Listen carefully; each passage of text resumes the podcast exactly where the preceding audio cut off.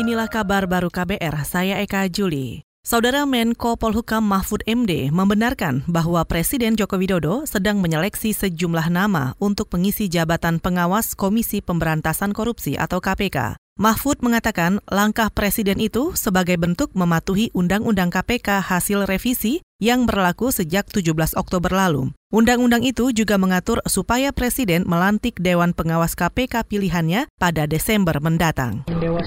Dewan. Ini kan kan belum dibentuk Dewas. Tapi kan kabarnya Jokowi sedang menjalin. Lah ya targetnya Desember dong. Target memang tanggal 18 Desember itu harus sudah ada Dewas menurut undang-undang. Meskipun judicial review masih berjalan nanti. Iya, berarti nanti apa?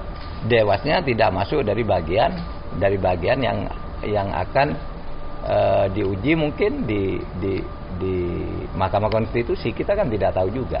Menko Polhukam Mahfud MD menambahkan Dewan Pengawas KPK harus sudah dilantik paling lambat bersamaan dengan pelantikan para komisioner KPK yang baru. Pemilihan langsung Dewan Pengawas KPK pertama oleh Presiden memang diperkenankan tanpa harus membentuk panitia seleksi maupun uji kepatutan dan kelayakan di DPR.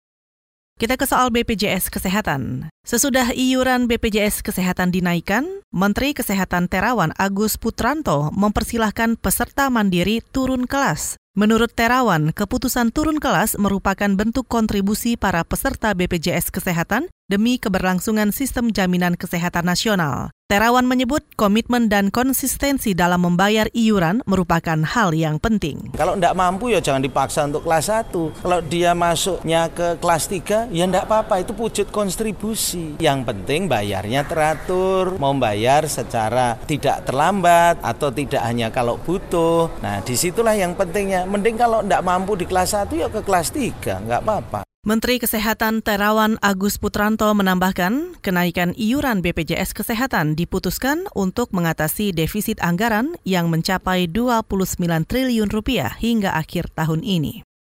Kita ke Aceh. Sebagian wilayah desa Pinding, Kecamatan Bambel, Aceh Tenggara terendam banjir akibat jebolnya tanggul sungai Lawe Alas. Kepala Badan Penanggulangan Bencana Daerah atau BPBD Aceh Tenggara, Muhammad Hasbi, menjelaskan banjir terjadi sejak Senin hingga tadi malam. Sejumlah rumah, lahan pertanian, sekolah, dan pondok pesantren terendam. Hasbi memperkirakan tanggul sungai Lawe alas jebol karena intensitas hujan yang tinggi. Memang dia kan karena kondisi hujan dalam beberapa minggu ini intensitasnya terus naik di Aceh Tenggara. Jadi dengan kejadian hujan terus ini tanggul sekitar 8 meter di Kecamatan Bambel itu di Desa Pinding eh, terjadi jebol maka eh, air masuk ke rumah warga Kepala BPBD Aceh Tenggara Muhammad Hasbi menambahkan, dampak jebolnya tanggul Sungai Lawe Alas tidak hanya merendam sebagian desa Pinding saja, tapi juga wilayah kecamatan tetangga di Tanoh Alas. Tanggul sungai yang jebol sudah dilakukan perbaikan oleh BPBD Aceh Tenggara dengan mengoperasikan alat berat.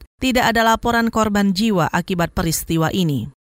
Kita ke berita olahraga. Pelatih Chelsea, Frank Lampard, memuji performa dari kekompakan anak-anak asuhnya. Meski harus bermain seri 4-4 melawan Ajax Amsterdam, tapi Lampard terkesan dengan semangat tim. Bermain di kandang Stamford Bridge, Inggris dini hari tadi, Chelsea terus ngotot dan tidak sudi menelan kekalahan. Liga Champions sudah menjalani pertandingan keempat dari enam pertandingan di fase grup. Hasil-hasil pertandingan itu adalah Barcelona yang ditahan imbang Slavia Praha dengan skor 0-0. Zenit kalah dari Leipzig 0-2. Liverpool menang atas Geng 2-1. Napoli bermain imbang lawan Red Bull Salzburg 1-1. Valencia mengalahkan Lille 4-1. Lyon menandaskan Benfica 3-1. Chelsea juga harus berbagi angka sama 4-4 dengan Ajax Amsterdam. Sementara Borussia Dortmund menang 3-2 atas Inter Milan. Saudara demikian kabar baru, saya Eka Juli.